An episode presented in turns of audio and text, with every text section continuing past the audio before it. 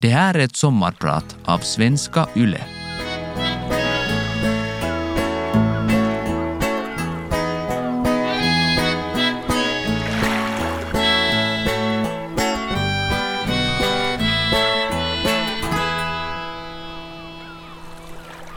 Så länge jag kan minnas har jag hängt i hallar. Mina första minnen hänger ihop med handboll. Jag vet inte ens när jag började spela handboll på riktigt. Kanske var jag fem, sex år. Men i hallen har jag varit med pappa och mina syskon långt före det. Vid sidan av planen och på planen är jag uppväxt. Och det är handbollen som långt har format mig och gjort mig till den jag är idag. Idag ska jag prata om handboll, om utveckling, om familj, om proffsliv och om människor som har betytt och betyder mycket för mig. Men också om vinnare och förlorare. Min pappa Jan Janka Rönnberg valdes allt som allt sex gånger till Finlands bästa handbollsspelare under sin karriär på 80-talet. Min storebror Andreas har fått samma utnämning fyra gånger och i år var det min tur för andra gången. Jag heter Niko Rönnberg och jag är din sommarpratare idag. Jag har alltid varit nyfiken på hur långt handbollen kan ta mig. Många kanske tror att det är en stor press på mig, att nu försöka komma efter pappa och storebror Andreas. Pappa räknas som en av de främsta spelarna i Finland. Han var också den första finländaren som spelade som proffs i Spanien. Pappa förändrade finsk handboll och lade Karis på världskartan. Han visade vägen för otaliga Karis-spelare efter honom. Han visade för många att det här var möjligt. Att det gick att ta sig ut i Europa, ut i världen. Andreas har gjort en fin karriär i Tyskland, Spanien och Norge. Det här har aldrig stressat eller pressat mig, tvärtom. Inget motiverar mig lika bra som dem. Att ha två framgångsrika handbollsproffs i familjen har alltid motiverat mig istället. Det har gjort att det känns roligt att se hur långt min egen förmåga kan ta mig. Andreas är åtta år äldre än mig och tur är väl det. Vi har aldrig behövt konkurrera eller tävla med varandra på samma sätt. Han har alltid varit ett steg före och kunnat bidra med sin erfarenhet, som jag haft nytta av. Vi har vant oss att spela mot varandra.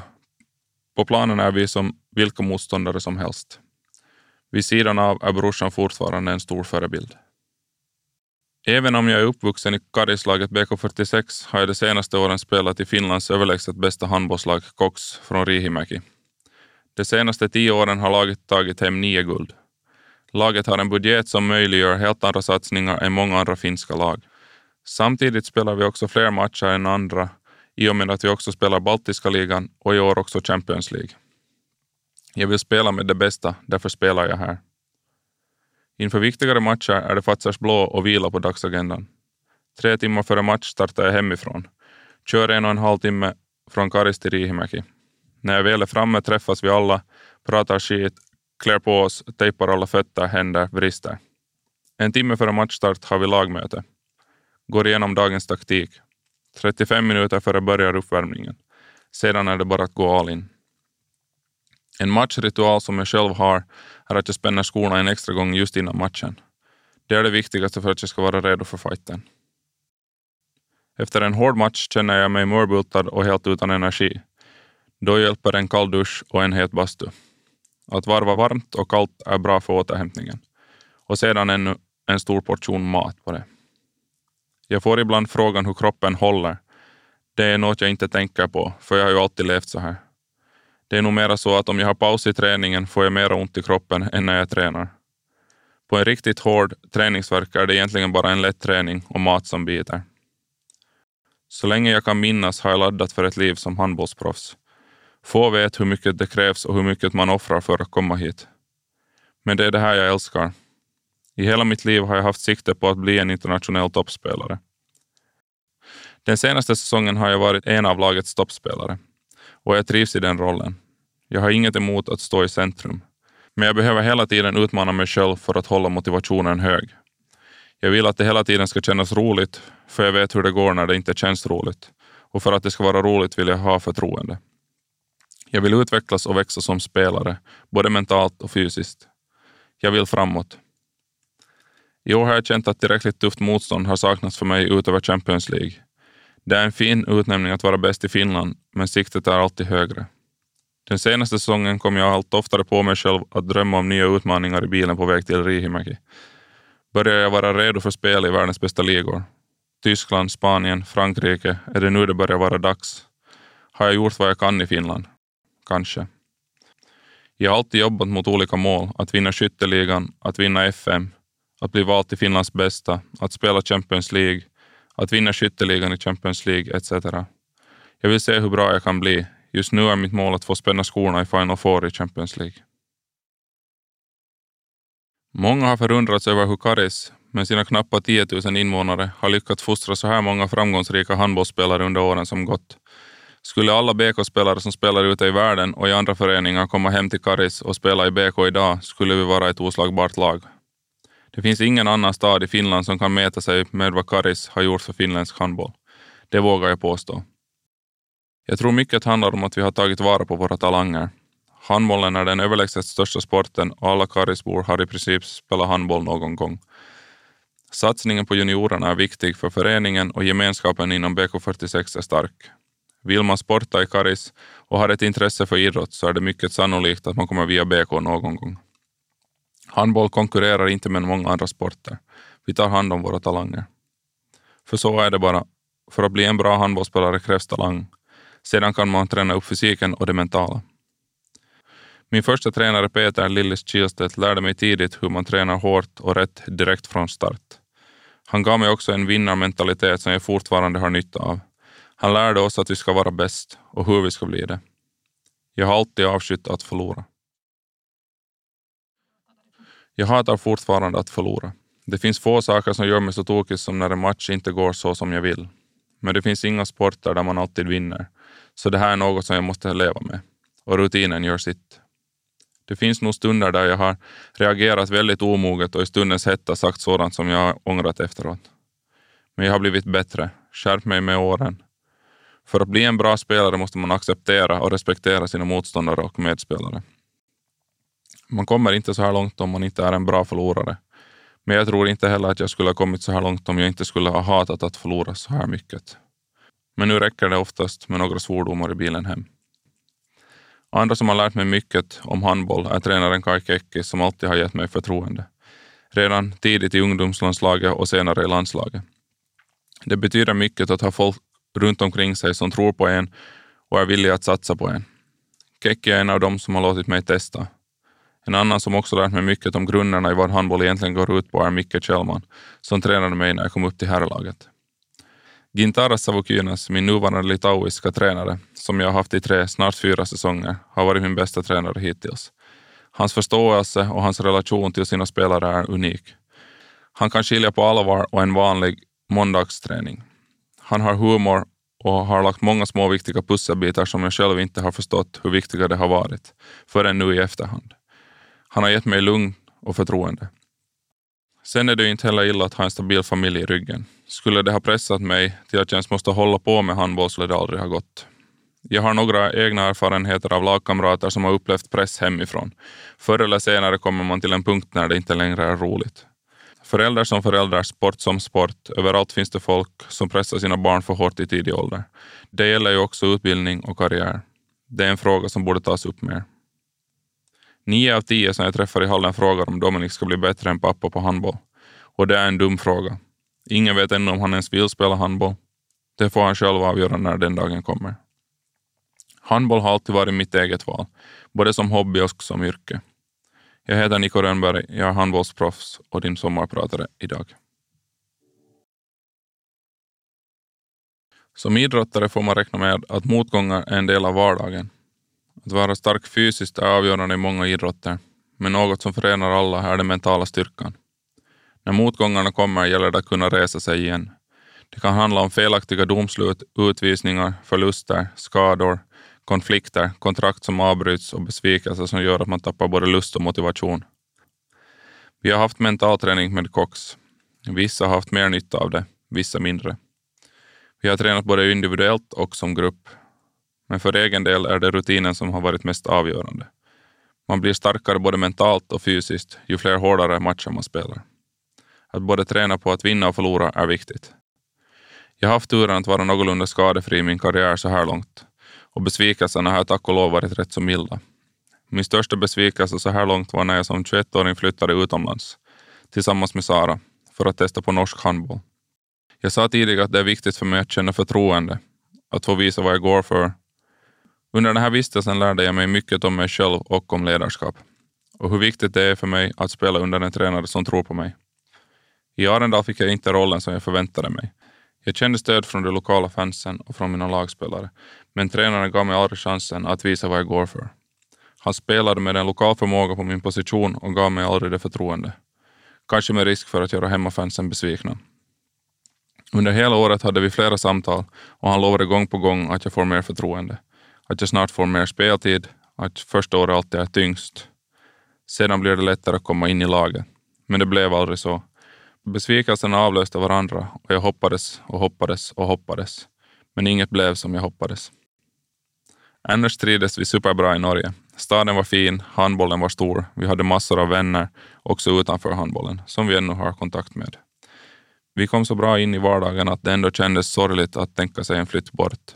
Det var inget lätt beslut. Men jag insåg att jag inte alls är gjord för att sitta på bänken och jag bröt mitt kontrakt den andra hösten. Den säsongen tärde länge på min lust att spela handboll, men den lärde mig också mycket. Kanske var jag lite för osäker och omogen för att stå upp för mina egna behov. Det kändes som en besvikelse att komma hem med svansen mellan benen, men det var samtidigt en enorm lättnad. Det är inte så där man utvecklas som spelare. En bra tränare ska inte vara en diktator. Det har jag varit väldigt noga med nu efteråt.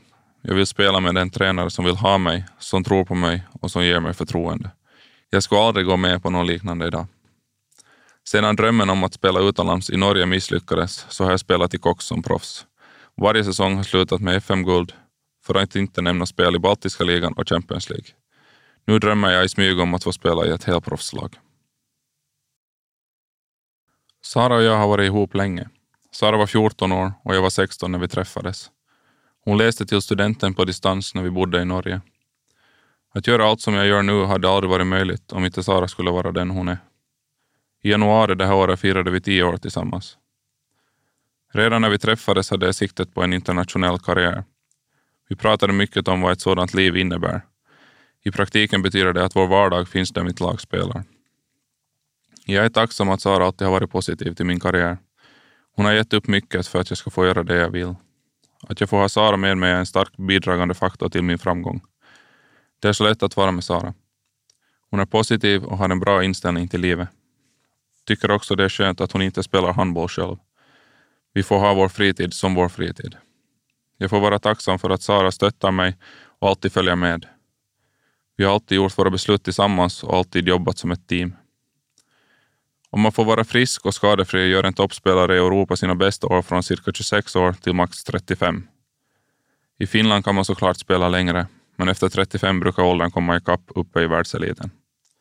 Man har knappt tio år på sig att maxa sin form och sin förmåga. Sen är loppet kört. Själv är jag nu 27 och det börjar vara dags att ta steget ut. Jag har aldrig varit den som har stressat över framtiden eller planerat livet in i minsta detalj. Men jag har alltid haft en kort och en långsiktig plan. Jag ska göra karriär inom handbollen så länge det är roligt och känns motiverande. Det skulle vara nice att efter karriären bli hemmapappa och ha mycket tid med barnen. Sen är det Saras tur att göra vad hon vill. Fortsätta bygga sin karriär som tatuerare. Själv tycker jag om att bygga. Vi bygger som bäst vårt hus i Karis och det är något som jag har fastnat för och eventuellt vill göra mer av i framtiden. Jag vill gärna ha en stor familj med Sara. Jag har alltid sagt att jag vill ha fem barn. Många barn och mycket liv. Precis som det var hemma hos mig när jag växte upp. Vi var fyra barn och jag vet hur mycket ett syskon betyder. Idag har vi en fin pojke, en pojke som heter Dominik. Jag hoppas att han ska få flera syskon i framtiden. Handbollen är viktig för mig, men den kan ändå aldrig mäta sig med familjen. Familjen, både den jag och Sara har skapat och den som jag kommer ifrån, med mamma, pappa och mina syskon, Nathalie, Alexandra och Andreas, är det bästa jag har. När jag gifte mig med Sara väntade vi vårt första barn. Jag hade längtat efter att bli pappa och jag hade längtat efter att gifta mig med Sara. Det senare gick vägen, men vårt första barn blev aldrig ett barn. Så här i efterhand borde vi kanske ha misstänkt någonting i och med att vårt beräknade datum flyttades fram en månad och att fostret var väldigt litet. Tack vare ett tips från en lagkamrat fick vi tipset om en specialist i Helsingfors. Vi åkte dit för att göra ett 4D-ultraljud. Dels för att lugna oss själva, men också för att ta reda på kön och se hur häftigt det är med 4D. Efter fem sekunder sa läkarna att det tyvärr är stora kromosomavvikelser på barnet och att det aldrig kommer att överleva utanför. Egentligen borde kroppen stött ut det naturligt, men hjärtat var så starkt att det inte blev så den här gången. Vi födde barnet genom en helt vanlig förlossning. Senare i obduktionen upptäckte läkarna att barnet hade triploidi, en kromosomavvikelse som gör att barnet har 69 kromosomer istället för 46. Läkarna förklarar att det var ren otur och slumpen. Det var en mörk tid, sorgen var stor och vår längtan efter barn var större än någonsin. Jag skulle önska att man pratade om det mer, om hur många risker det finns med att få barn, hur svårt det kan vara att få barn. Ingen pratar om baksidorna och det var en chock för oss att det faktiskt kan gå så här. Ingen pratar om missfall och hur jobbigt det kan vara, trots att det är vanliga. De flesta av mina låtar idag kommer från Fast and the Furious-filmerna, som är våra favoritfilmer. Jag har alltid haft ett stort intresse för bilar och vi älskar med Sara budskapet som filmerna ger om familj och lojalitet. Som familj håller man ihop och det är det viktigaste man har. Inget går att mäta sig med känslan när Dominic föddes i september 2017 efter två år av längtan efter barn. Det är heller ingen slump att hans namn kommer efter huvudpersonen i Fast-filmerna. Att vara pappa till honom är min största vinst. Han har på alla sätt gjort mig till en bättre människa och samtidigt också till en bättre handbollsspelare. Det går inte längre att vara sur, irriterad och förbannad hur länge som helst efter en match. Förr kunde jag låta en förlust påverka mig, säkert upp till en vecka eller ända fram till nästa match. Vilket säkert påverkade både träning och uppladdning inför nästa negativt. Sedan Dominic kom går det inte längre att sura. Han har visat att det finns något som trots allt är viktigare än resultat och matcher. När jag kommer hem kastas jag snabbt in i småbarnsverkligheten. Med barn hinner man stundvis glömma bort att handboll ens finns. Det har gjort fritiden mycket lättare för en envis vinnarskalle som jag. Dominic har också tagit ner mig på jorden gällande drömmen om många barn. Med tanke på hur dåligt han sover så kanske det inte riktigt blir fem barn. Det är kanske också något jag tycker vi kunde prata mer om, att det faktiskt är rätt tungt att ha barn också. Men drömmen om hemmapappan lever vidare. Jag sa tidigare att det är få som förstår hur mycket det krävs för att komma upp på elitnivå inom europeisk handboll. Jag har fått slita hårt för att nå den fysik jag har idag. Jag har lagt på mig muskelmassa och har offrat mycket av sånt som vanliga tonåringar och unga gärna gör. Jag måste så gott som alltid lägga fysiken och orken först. Jag dricker ingen alkohol, men äter hur mycket skräpmat jag vill. Största delen av min lediga tid går åt till handboll. Jag tränar, spelar, vilar. Trots att vi har kommit överens med Sara om att det är så här vårt liv ser ut nu, vet jag att det är jobbigt ibland. Som familj har vi bara ett fåtal lediga helger tillsammans på ett år. Men under sommaren är jag långledig och tränar bara fyra till fem gånger i veckan. Då blir det mycket tid att vara med familjen. Men det är ju det här jag vill göra. Vill man bli bäst måste man också vara beredd att offra. Och Sara är schysst och ställer upp. De senaste åren har jag satt allt på spel. Nu vill jag verkligen bli så bra som jag bara kan bli. Jag tror att jag upp till 90 procent börjar vara färdig. Nu gäller det bara att finslipa resten. Jag har byggt upp ett större lugn i mitt spel. Jag behöver nödvändigtvis inte vara den som gör målet, utan jag vill bli den som lyfter hela laget. Sakta men säkert har jag byggt upp min lägsta nivå till en nivå som håller rätt långt. Jag har hela tiden velat visa att jag kan hålla ett stort ansvar i Cox. Att jag kan ta mitt lag till Champions League och spela riktigt bra varje match. Undermedvetet har jag också tänkt att det här är ett bra läge för mig att visa upp mig. Om jag kan vinna skytteligan i Champions League, varför skulle jag inte kunna göra det i någon annan europeisk liga? Samtidigt har jag Norge i färskt minne. Vad är ett europeiskt topplag om det betyder att jag ska sitta bänkad? Jag vill till en klubb som tror på mig och som vill satsa på mig. Samtidigt vill jag gärna ha något som utmanar mig och som gör att jag får kämpa om min plats. Då är handbollen som roligast. Många av mina roligaste stunder i livet har varit förknippade med handboll. Eken Cup och andra nordiska turneringar som juniorer. Vårt Dreamteam med 90-ornas landslag på junior-EM för flera år sedan. Det finns många stunder som jag aldrig glömmer. Gemenskapen är det som jag minns bäst. Vi är alltid tillsammans dygnet runt, äter tillsammans, sover tillsammans i samma rum, är tillsammans konstant. Alla var med och ingen blev utanför. Visst är vi tillsammans mycket med laget också nu för tiden, men det är en annan sak för vi har andra liv samtidigt. På juniorturneringar är det bara handboll som gäller. Även om många andra aspekter kommer in när man spelar professionellt, som det faktum att man faktiskt behöver tjäna ganska stora pengar under den relativt korta karriär som finns, så ska handboll ändå alltid vara roligt. Så länge jag är hungrig på att vinna är jag aldrig orolig. En dag hoppas jag få klä på mig en PSG-tröja, men jag vet att det är många, många detaljer som ska klaffa för att det ska gå vägen. För er som inte vet så är PSG en av världens bästa handbollsklubbar.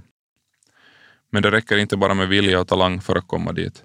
Det krävs också att dörrar öppnas, att turen är på min sida, att kroppen orkar, att skadorna hålls borta, att Sara och Dominik har det bra och min motivation håller. Runt en bra handbollsspelare ska också finnas skickliga agenter, givmilda sponsorer och tränare som är villiga att ge dig ansvar. Men framför allt ska det finnas medspelare som vill se dig växa. Tills det försöker jag ta det som det kommer, i hopp om att följa den väg som pappa och Andreas har trampat upp. Jag heter Niko Rönnberg och jag har varit din sommarpratare idag. Njut av sommaren och kasta en boll eller två. Tack för mig.